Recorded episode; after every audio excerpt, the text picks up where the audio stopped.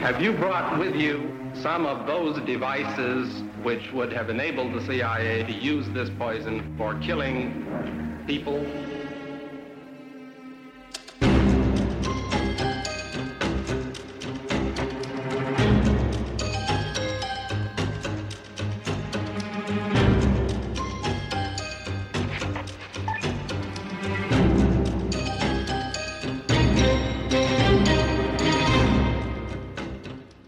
Den 12. december 1969. Vi er i Milan, Italien. Det er op til jul, der er masser af mennesker. Øh, og vi er øh, inde i Indre By, tæt på noget, der hedder Piazza Fontana. Derinde øh, ved den plads, der ligger der en bank, der hedder Banca Nazionale dell'Agricoltura. Og øh, der er mange mennesker derinde. Og 1637, der springer der en meget kraftig bombe ind i banken. 17 mennesker mister livet. 88 bliver såret. Samme eftermiddag ringer tre bomber rundt omkring i Rom og Milan. Tre andre bomber. Og der findes en senere ueksploderet. Det er en bombekampagne. Det var et rystet, meget rystet Italien, der holdt jul det år.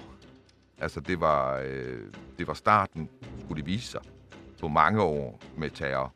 Men øh, det her var sådan første gang, at, øh, at man oplevede noget, som nogen kunne fortolke som borgerkrigslignende tilstande. Ikke? Men for at forstå, hvad der skete her, så skal vi øh, faktisk helt tilbage til, øh, til 2. verdenskrig. Og øh, kigge på, hvordan Stay Behind i Italien bliver bygget op. Og hvordan øh, efterretningstjenesterne arbejder i Italien. Og hvad den politiske situation bliver i øh, Italien i, efter 2. verdenskrig.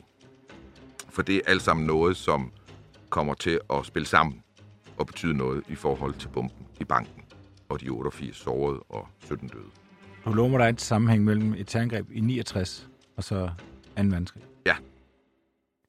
Du lytter til Det Hemmeligste af det Hemmelige. Et program, hvor vi dykker ned i den del af efterretningstjenesterne, kendt som Stay Behind, der særligt i Vesteuropa opereret uden for demokratisk kontrol.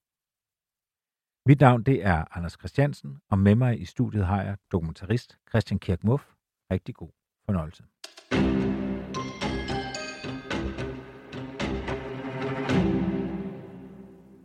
Det, der sker øh, under 2. verdenskrig, det er jo, at vi er jo vant til at tænke på 2. verdenskrig som, at D-dag er den dag, hvor de allierede gik i land i Europa, og befrielsen af Europa begyndte. Det er det ikke. Øh, det er der, hvor det skete for alvor, kan man sige. Men man var jo gået i land i Italien inden.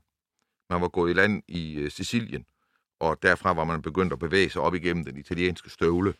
Øh, man har simpelthen overført den her, der havde vundet krigen i Nordafrika over tyskerne, og, og, og så lavede man en landgang øh, i Sicilien, eller på Sicilien, og bevægede sig op igennem Italien.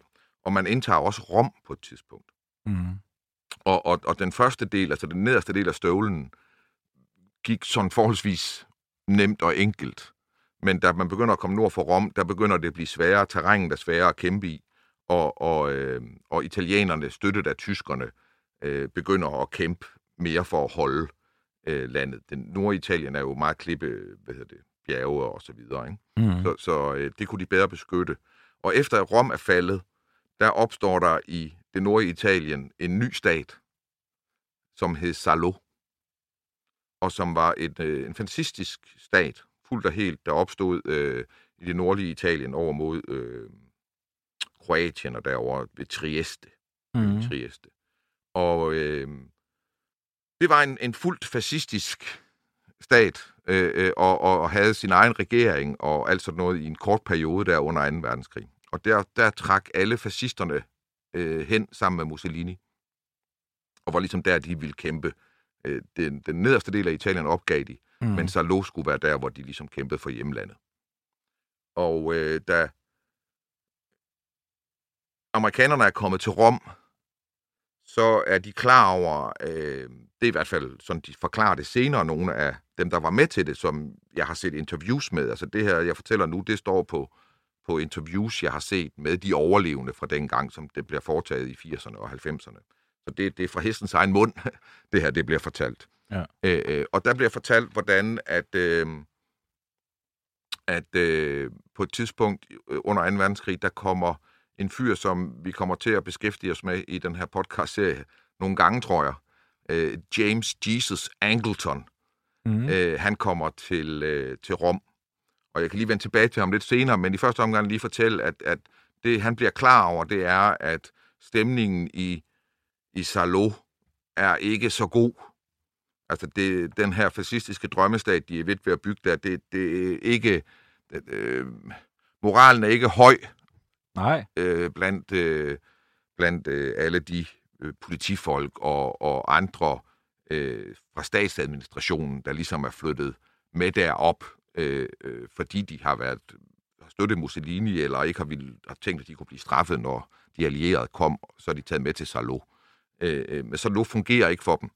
Så han får en fornemmelse af, at hvis han sender en italiensk politiofficer ind med en øh, faldskærm, kaster ham ned i Salo, og han kan tage kontakt til de her, så er der en god chance for, at de vil overgive sig, hvis øh, han kan love dem, at der er jobs i politiet og indrigsministeriet i det nye Italien, som amerikanerne skal bygge op efter 2. verdenskrig.